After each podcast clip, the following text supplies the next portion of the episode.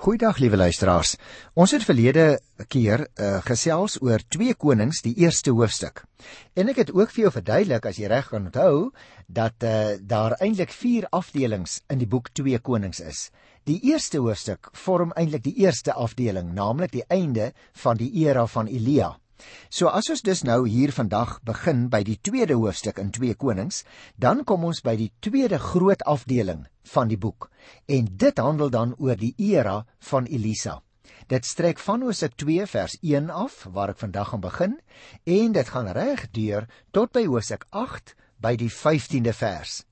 En daar is verskillende aspekte rondom Elisa wat behandel word. Byvoorbeeld dat hy die ware opvolger is van Elia dat hy uit nood verlos, dat hy mense help van ongeloof tot geloof en dat daar 'n oorgang is by mense van ongeloof tot geloof. Maar ek gaan dit vir jou uitwys wanneer ons daarby kom. So daarom wil ek nou maar net vandag so 'n bietjie gesels oor Elisa wat begin optree. Ek begin dus dadelik by die eerste vers van 2 Konings, die tweede hoofstuk. Dis 'n baie kort versie en die opskrif daarvan is Elia word in die hemel opgeneem.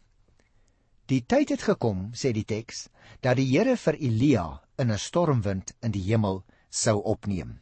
Nou baie interessant. Ons gaan nou sien in hierdie volgende verse hoe dat die toets van die opvolging van Elia is of Elisa dieselfde kragdade as Elia kan doen.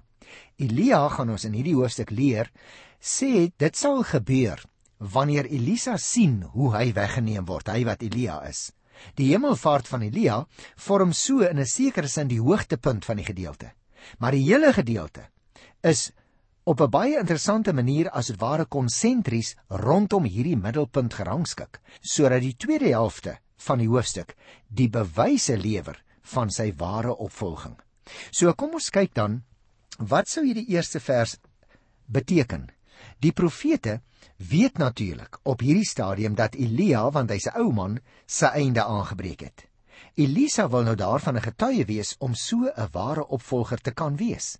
Elia beweeg van die een plek na die ander asof hy Elisa wil afskud. Dit word uiteindelik 'n toets vir Elisa se erns om hom op te volg. Nou natuurlik, liewe luisteraar, om 'n geestelike leier te wees, stel bepaalde eise aan 'n mens. Toetsing is baie belangrik. Te dikwels word toetse egter met struikelblokke verwarroor. Elisa laat hom egter nie van stryd bring nie en hy weier om hierdie ou man Elia af te skud. Die Elia en Elisa verhale moet ek ook net byvoeg is van verskillende omvang en dit het aanvanklik selfstandig ontstaan en ook voortbestaan in die volksmond, maar later is dit neergeskryf en saamgebundel. En hierdie proses het veral plaasgevind in die kringe van die sogenaamde profete seuns. Ons moet onthou ook luisteraars, Elisa vir wie ons nou hier gaan ontmoet, was die leier van so 'n groep profete seuns. Of soms is hulle ook 'n groep of groepe wat saamgevoeg word en hulle wou die grootheid van hulle leier en veral natuurlik sy wondermag besing. Nou sommige van hierdie verhale kan binne 'n bepaalde herkenbare historiese konteks gevind word. Ander van hierdie verhale dra 'n ander soortige karakter waarvan die historiese verband nie altyd vir ons duidelik is nie. So ons moet dit miskien net in gedagte hou.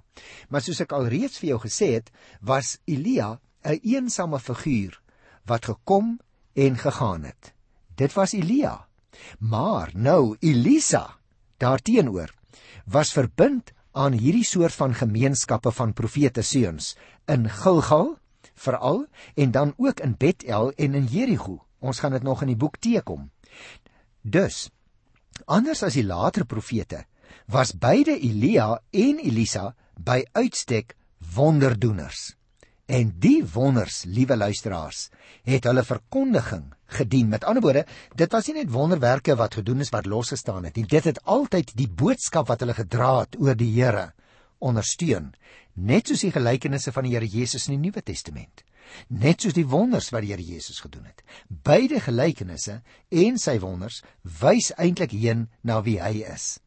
Albei hierdie profete het hulle met al hulle kragte verset teen die Baal kultus wat in die Ou Testament oorheers het. En al hulle wonders het die verkondiging dat die Here die God van Israel is en dat hulle sy gesande is, versterk. Elisa het nie dieselfde invloed as Elia op die nageslag uitgeoefen nie.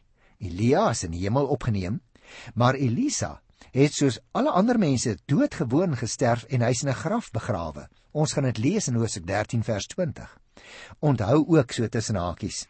In die Nuwe Testament word nie minder nie as 30 maal na Elia verwys en slegs een keer na Elisa. Die stormwind wat hier vermeld word in die eerste vers alreeds, kom altyd voor wanneer die verskyning van God beskryf word. Ons moet ook onthou Gilgal verwys nie na die plek naby die Jordaan wat in Joshua 5 vers 9 vermeld word nie. Die naam Gilgal beteken eintlik sirkel of kring. En dit kon gebruik gewees het vir verskeie plekke waar daar as dit ware 'n kring stene was en wat 'n heiligdom aangedui het. Hierdie Gilgal was waarskynlik dus tussen Silo en die ou historiese heiligdom Bethel geleë. Kom ons lees nou 'n bietjie verder. Ons het nou meer agtergrond waaroor dit gaan en wat die situasie is en daarom lees ek van vers 2 tot by vers 6. Elia en Elisa het uit Gilgal vertrek. En Elia het vir Elisa gesê: "Bly hier, want die Here stuur my na Bethel toe." En nou moet jy opmerk, liewe luisteraar, hoe hierdie ou man as dit ware alleen wil sterwe. Hy wil alleen met die Here wees in sy laaste oomblikke. So hy probeer herhaaldelik om sy jong opvolger Elisa in 'n sekere sin af te skud. Maar Elia se antwoord was: "So seker as die Here leef en u leef, ek sal u nie alleen laat gaan nie." Hulle is toe na Bethel toe. Die profete wat in Bethel was, het na Elisa toe uitgegaan en hom gevra: "Weet jy dat die Here vandag jou leermeester van jou af gaan wegvat?" Hy het geantwoord: "Ja, ek weet. Moenie daaroor praat nie." Elia sê toe vir Elisa: "Let nou op, dis 'n volgende keer alweer, né? Bly hier, want die Here stuur my na Jerigo toe." Maar Elisa het geantwoord: "So seker as die Here leef en u leef, ek sal u nie alleen laat gaan nie." Hulle het toe saam met Jerigo aangekom. Die profete van Jerigo het na Elisa toe gekom en hom gevra: "Weet jy dat die Here vandag jou leermeester van jou af gaan wegvat?" Hy het geantwoord: "Ja, ek weet. Moenie daaroor praat nie." Elia sê toe vir hom: "Bly hier, want die Here stuur my na die Jordaan toe." 4 keer nê het dit nou al gebeur. Maar Elisa het geantwoord: "So seker as die Here leef en u leef, ek sal u nie alleen laat gaan nie. Hulle twee is toe saam verder. Het jy opgemerk, liewe luisteraar, dit kom amper voor soos 'n refrein. Uh, bly jy hier en die antwoord dan ek sal u nie alleen laat gaan nie. Let op. Elia deel Elisa mee dat hy bevel van die Here ontvang het om na Bethel toe te gaan. Elia het klaarblyklik verwag dat die groot gebeurtenis daar sou plaasvind. Hy probeer dus op 'n een of ander manier van Elisa ontslaa raak. Die rede hiervoor luisteraars is nie vir ons heeltemal duidelik nie. Miskien wou Elia in hierdie omstandighede heeltemal alleen wees of miskien miskien was dit 'n toets vir Elisa of hy regtig die opvolger wil wees van Elia. Elisa lê naamlik 'n eed af elke keer dat hy sy leier nooit alleen sal laat nie. Nou tydens sy verblyf in Bethel gebeur daar eintlik niks nie. En Elia kry dan die opdrag om na Jerigo toe te gaan. 'n Poging om Elisa daar te laat agterbly misluk nog 'n slag. Dit is die eerste keer dat ons verneem van 'n profetegroep by Jerigo. Ek noem dit maar net so tussen hakies. Volgens ons kennis was daar geen heiligdom in Jerigo nie. Ook in Jerigo gebeur daar nou niks. En Elia kry sy derde en sy laaste opdrag. Hierdie keer moet hy deur die Jordaan gaan. En weer eens weier die jong man Elisa om agter te bly en hy vergesel vir Elia. 'n 50-tal profete volg hulle op 'n afstand en hulle word uiteindelik getuies van wat nou binnekort gaan gebeur. Kom ek lees vir jou vers 7. 'n 50-tal van die profete is agterna en het op 'n afstand gaan staan reg oor die plek waar Elia langs Jordaan gestaan het. Merk nou mooi op teken hierdie gedagteprentjie weer so in jou geestesoog, né? dan verstaan 'n mens net soveel beter en jy onthou die gebeurtenisse ook soveel makliker as jy as dit ware na 'n foto kyk. Die profete staan daar op die wal van die Jordaan. Hulle gaan die getuies word van die opvolging. Elia word nou geteken as 'n tweede Moses en Elisa as 'n tweede Joshua. Net soos Moses, onthou jy by die Rietsee destyds daar in Eksodus 14 en 15, net soos Moses, so gaan Elia ook droogvoets deur Jordaan. Elisa se versoek om 'n dubbel deel van Elia se gees is 'n versoek om die regmatige opvolger van Elia te kan wees, net soos die oudste seun sy pa se opvolger was as leier van die familie in daardie tyd. Gaan kyk maar weer in Deuteronomium 21 by vers 17. Nou ja, dit sou hy natuurlik kry sodra hy sien dat Elia weggeneem word. Ek gaan dit nou nou lees. Dit gebeur onverwags. Toe 'n wa in pere van vuur die twee skei as teken dat dit die Here is wat hier ingryp. Elia word egter nie in die wa weggevoer soos dikwels beweer word nie, maar in 'n stormwind. Elisa gaan uiteindelik erkenning gee aan die belangrikheid van Elia. Hy was vir Israel soos die strydwaans vir die leers van die volke was. Daarom kom ons kyk nou meer na die detail. Hier by vers 8 staan daar Elia het sy mantel gevat dit opgerol en die water daarmee geslaan. Onthou jy hoekom dit gesê het hy neem as dit ware hier dieselfde rol oor van ou Moses by die Rietsee destyds.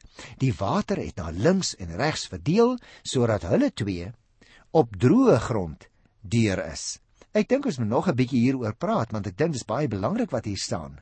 Elia het jy opgemerk hier in vers 8, het sy mantel uitgetrek en dit opgerol en die water daarmee geslaan. Nou volgens die antieke geloof van destyds luisteraars het die krag van 'n heilige ook gestrek tot sy klere.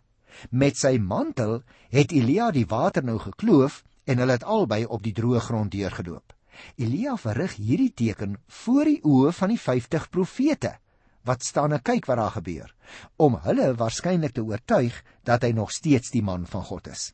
En weer eens illustreer die skrywer dat Elia 'n tweede Moses is, net soos daar in Eksodus 14 wat ek nou nou na verwys het. 'n Verband word dus hier gelê, liewe luisteraar, let dit op, met die roemryke dade van God in die verlede om nou ook te laat sien dat die God van Israel gister en vandag dieselfde is. Net soos hy in die verlede 'n man soos Moses tot groot dade in staat gestel het, so doen hy dit nou ook met Elia. Nou gaan ek lees vers 9 tot by vers 12. Net toe hulle deur die rivier is, sê Elia vir Elisa: "Wat wil jy hê moet ek vir jou doen voordat ek van jou af weggevat word?" Elisa het geantwoord: "Mag daar tog 'n dubbele deel van u gees op my kom." Toe sê Elia: "Dis 'n moeilike ding wat jy vra. As jy my sien wanneer ek van jou af weggevat word, mag dit met jou gebeur. Maar as jy my nie sien nie, dan sal dit nie gebeur nie. Terwyl hulle gesels gesels verder gegaan het, was daar skielik 'n wa van vuur met pere van vuur wat hulle twee van mekaar geskei het. En Elia is in 'n stormwind op die hemel in. Toe Elisa dit sien, het hy uitgeroep: "My vader, my vader, u was vir Israel die strydwa met sy ruiters." Toe Elisa nie meer vir Elia kon sien nie, het hy sy eie klere gevat en dit in stukke geskeur. Dit lyk vir my hierdie vers 9 tot 12 wil vir ons 'n paar aspekte onderstreep. En ek wil graag so 'n bietjie meer daaroor gesels. Elia is bewus daarvan dat sy einde naby gekom het en daarom vra hy vir Elisa: "Wat wil jy hê moet ek vir jou doen voordat ek van jou af weggeneem word?" Daar in vers 9. Merk op. Elisa vra dat hy 'n dubbele deel van Elia se gees mag bekom. Toe Elia bogenoemde vraag aan Elisa gestel het, het hy nie gedink so 'n moeilike versoek sou ooit tot hom gerig word nie. Wat presies bedoel Elia met 'n dubbele deel van u gees? Nou, dit is vir ons eintlik onseker, liewe luisteraar. Ek dink dit is 'n uitdrukkingsvorm om te sê mag ek op 'n baie besondere manier u opvolger wees. Miskien verwys dit ook na die dubbele erfporsie waarop die eersgebore seun geregtig was. Ons lees daarvan in Deuteronomium 21 vers 17 en miskien het Elisa iets daarvan in gedagte. Daarom vra Elisa dan dat hy van Elia se geestelike kinders soos 'n eersgeborene behandel sal word en 'n dubbele erfporsie sal ontvang. Ons moet ook 'n gedagte hou, liewe luisteraar, volgens Sagaria 13 by die 8ste vers waar dieselfde Hebreëse woorde gebruik word. Dui dit eintlik letterlik op 2/3. Indien Elisa dit vra, dui dit dus eerder op sy beskeidenheid. Hy weet dat hy nooit sy leermeester kan ewenaar nie. Laat staan nog oortref. Elia beskik nie oor sy eie gees nie. Dit is nie oor erflik of oordraagbaar nie. Dit moet dit verstaan ons tog almal. Dit is 'n gawe van God en slegs die Here kan beheer uitoefen oor 'n mens se gees. Numeri 11 vers 17 uh tot by vers 25 vertel vir ons baie interessante inligting want daar is sprake van 'n gedeeltelike oordrag van die gees van Moses op die 70 oudstes. Omdat Elia nie self oor sy eie profetiese gees beskik nie, stel hy dus nou 'n voorwaarde. As Elisa met sy oë sou sien dat Elia voor hom weggevat word, dan sal sy wens vervul word. Elisa se oë moet daarom oop wees vir die gebeure in die volgende klompie minute vir die wonderwerk wat gaan plaasvind. As ek nou kom by vers 13 tot 18, dan wil ek net eers oorsigtelike opmerkingie maak en dan kyk ons weer indringend na die volgende verse. Want ons gaan hier lees van 'n mantel. Nou moet ons onthou, liewe luisteraars, die mantel in daardie tyd is die simbool van oordrag van gesag. Wanneer Elisa dus daarmee die water van die Jordaan verdeel, soos hy sopas gedoen het, dan lewer hy bewys aan die profete wat staan en toe kyk dat hy die ware opvolger van Elia is. Hulle wil egter meer sekerheid hê in die volgende verse dat Elia regtig weg is. 3 dae se soektog gaan nou volg, maar dit gaan niks oplewer nie. En daarmee word Elisa dan finaal aanvaar as die opvolger van die geëerde ou vader Elia wat vertrek het. Kom ek lees hierdie verse 13 tot 15. Hy het die mantel wat van Elia afgeval het opgetel en weer op die wal van die Jordaan gaan staan. Hy het met hierdie mantel wat van Elia afgeval het op die water geslaan en gesê: "Waar is die Here, die God van Elia? Waar is hy?" Toe Elisa die water slaan, het dit na links en na regs verdeel sodat hy kon deurgaan toe die profete van Jerigo wat 'n entjie daarvan gestaan het om sien, het hulle gesê: "Die gees van Elia rus nou op Elisa." Hulle het hom tegemoet geloop en voor hom gebuig. Jy sien, liewe luisteraar, uiteindelik het die groot oomblik dus plaasgevind. Die wa en die vuur en die pere en Elia wat in die hemel opgeneem word. Ons moet onthou, so tussen hakies wil ek net sê, tydens Dawid en Salomo se regering het Israel 'n groot militêre bloeityd belewe. En dit is onder meer weerspieël in die bou van stede waarin daar baie strydwaans gebou is en ook geberre is. En hierdie strydwaans, luisteraars, het 'n groot bolwerk van verdediging in Israel se militêre strategie gevorm. In die Kanaanitiese godsdiens het strydwaans ook 'n baie belangrike rol vervul.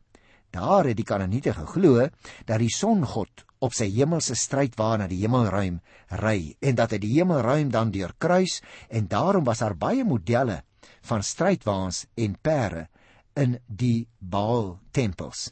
'n Strydwa het met ander woorde die krag en die sterkte van die songod gesimboliseer.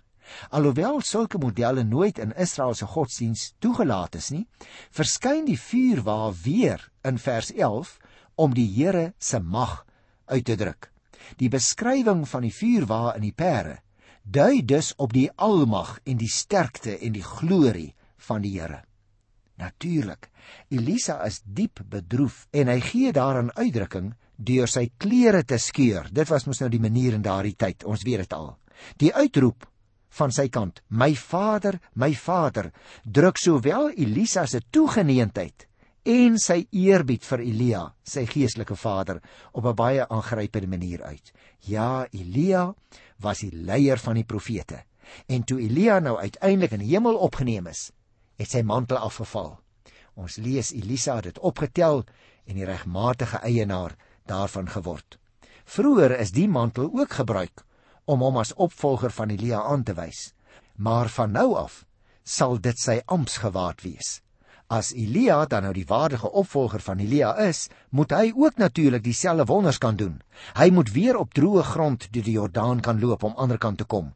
En daarom neem hy die mantel, hy vou dit net soos Elia vroeër die middag gedoen het en hy slaan die water daarmee. Maar Elisa besef ook hy moet bid. Die mantel besit nie magiese krag nie, hoor. Daarom bid hy met die woorde: Waar is die Here, die God van Elia? Waar is hy? Die profete van Jerigo wat 'n entjie daarvan al verstaan het, is deur die gebeure oortuig dat dieselfde gees wat in Elia was, nou ook in Elisa werksaam is. En nou kom ons hier nader na die einde van die verhaal. Luister by vers 16 tot 18. Die profete sê toe vir hom: "Daar is 50 dapper manne onder ons. Laat hulle tog gou u leermeester gaan soek." Dit wil sê nou vir Elia.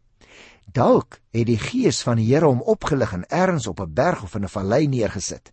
Elisa het geantwoord: "Moet hulle nie stuur nie."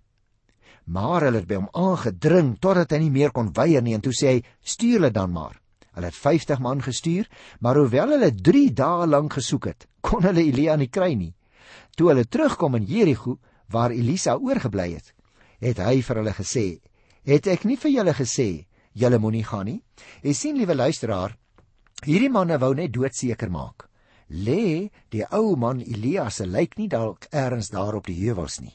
Maar hulle vind niks, want hy is na die Here opgeneem in die hemel. En dit bring my by die laaste gedeelte waar ons nou eintlik 'n ander kort tafereel hê, hoe dat Elisa die water in Jerigo bruikbaar maak. Luister hier by vers 19. Die inwoners van die stad het vir Elisa gesê: U sien self hoe mooi ons stad geleë is, maar die water is giftig en die oes uit die grond veroorsaak misgeboortes. Elisa sê toe: "Bring vir my 'n nuwe skottel en gooi sout daarin." Hulle het dit na hom toe gevat. Hy het uitgegaan na die plek waar die water uitkom en die sout daarin gegooi met die woorde: "So sê die Here: Ek maak hierdie water bruikbaar sodat dit nie meer dood en onvrugbaarheid sal veroorsaak nie." En dan die opmerking in vers 22. Die water is vandag nog bruikbaar net soos Elisa gesê het. Met ander woorde, dit was die eerste wonderwerk wat hy nou hier gedoen het op hierdie situasie nadat hy deur die Jordaan gekom het wat voor hom oopgegaan het uh, na weerskante sodat hy kon deurstap. Watter funksie het dit? Die funksie is liewe luisteraar om te bevestig die bediening waarin hierdie man nou staan. So, hy's nie 'n wonderbewerker om te sê kyk hoe goed is ek nie, maar is 'n wonderwerk wat plaasvind tot eer van die Here. Maar dan gebeur daar 'n baie vreemde ding en ek wil daarby afsluit vir vandag. Die opskrif daarvan by vers 23 is die seentjies spot vir Elisa. Elisa is daarvandaan na Bethel toe. Terwyl hy op pad was daarna toe, het 'n klomp klein seentjies uit die stad gekom en hom geroep en gespot. Hoor op Kaalkop, hoor op Kaalkop. Hy het omgedraai, hulle aangekyk en 'n vervloek in die naam van die Here. Twee beere het uit die bos gekom en 42 van die kinders verskeur. Van Bethel af is Elisa na Karmelberg toe en daarvandaan na Samaria toe. Nou as ons nou hierdie verhaaltjie lees, dan lyk dit vir ons baie vreemd. Let op. Elisa stap vervolgens na Jerigo af na Bethel toe. Dis die ou heiligdom. 'n Groep seentjies erken hom aan sy drag en hulle spot met hom. Elisa draai nou om. Hy kyk hulle stip aan. Hy vervloek hulle in die naam van die Here. Dan sê die Bybel: "Twee beere het uit die bos gekom en 42 kinders verskeur." Nou natuurlik, luisteraar, ons is nogal verleë met hierdie verhaal, né? In die voorafgaande gedeelte het Elisa hom bewys as iemand wat heil kan bring. Nou word gewys dat hy verskriklik hard kan terugslaan sodra iemand sy status as profeet wil aantas. In hierdie gedeelte word die vergeldingsleer Met ander woorde, 'n oog vir 'n oog en 'n tand vir 'n tand baie ver gevoer. Dit was in daardie tyd 'n redelik algemene gebruik. Die Here word ook hier as 'n tiran geskets en nie as 'n liefdevolle vader nie. Maar nou moet ons natuurlik dadelik hierdie verhale teen hulle agtergrond verstaan. In Bethel was die gelowiges so behept met die kultus van die afgode dat hulle vir die Here geen liefde meer gehad het nie. Hulle het hom begin gelykstel met ander gode En in hierdie omstandighede wou Elisa die mense 'n belangrike harde les leer. God is God. En die mens se enigste heil lê in geloofsvertroue in en gehoorsaamheid aan hom, die Here. En niemand mag die Here of sy gesandte bespot nie. Ek dink dit is die punt wat met hierdie vreemde gebeure vir jou en vir my in 'n moderne kultuur so uh, so bietjie in die hart gryp en sê maar dit is vir ons vreemd. Lees dit in die konteks van daardie tyd en dan verstaan ons dit gaan hier uiteindelik oor die eer van die Here. Dit was terselfdertyd baie belangrik dat Elisa die mense sou laat verstaan, maar van nou af is ek in 'n besondere sin die verteenwoordiger van die Here. Nie omdat hy belangrik was nie, maar omdat hy as opvolger van Elia 'n baie belangrike rol in hierdie omgewing gespeel het waar die Here nie deur die mense gedien is nie. En heel waarskynlik lê hierdie agtergrond en hierdie redes dan ten grondslag waarom hy ook oordeels uitspreek oor hierdie seentjies. Op hierdie noot, liewe vriende, groet ek julle dan volgende keer en ek wil vra dat julle ook vir ons voorbereiding doen vir die voorbereiding en die produksie van ons programme, want daar is 'n hele span wat saam met my werk. Ek sit maar net agter die mikrofoon, maar 'n klomp mense is besig met die produksie, die afronding en uiteindelik die verpakking van hierdie programme. Ek groet jou dan tot volgende keer in die wonderlike naam van ons Here. Tot dan. Totsiens.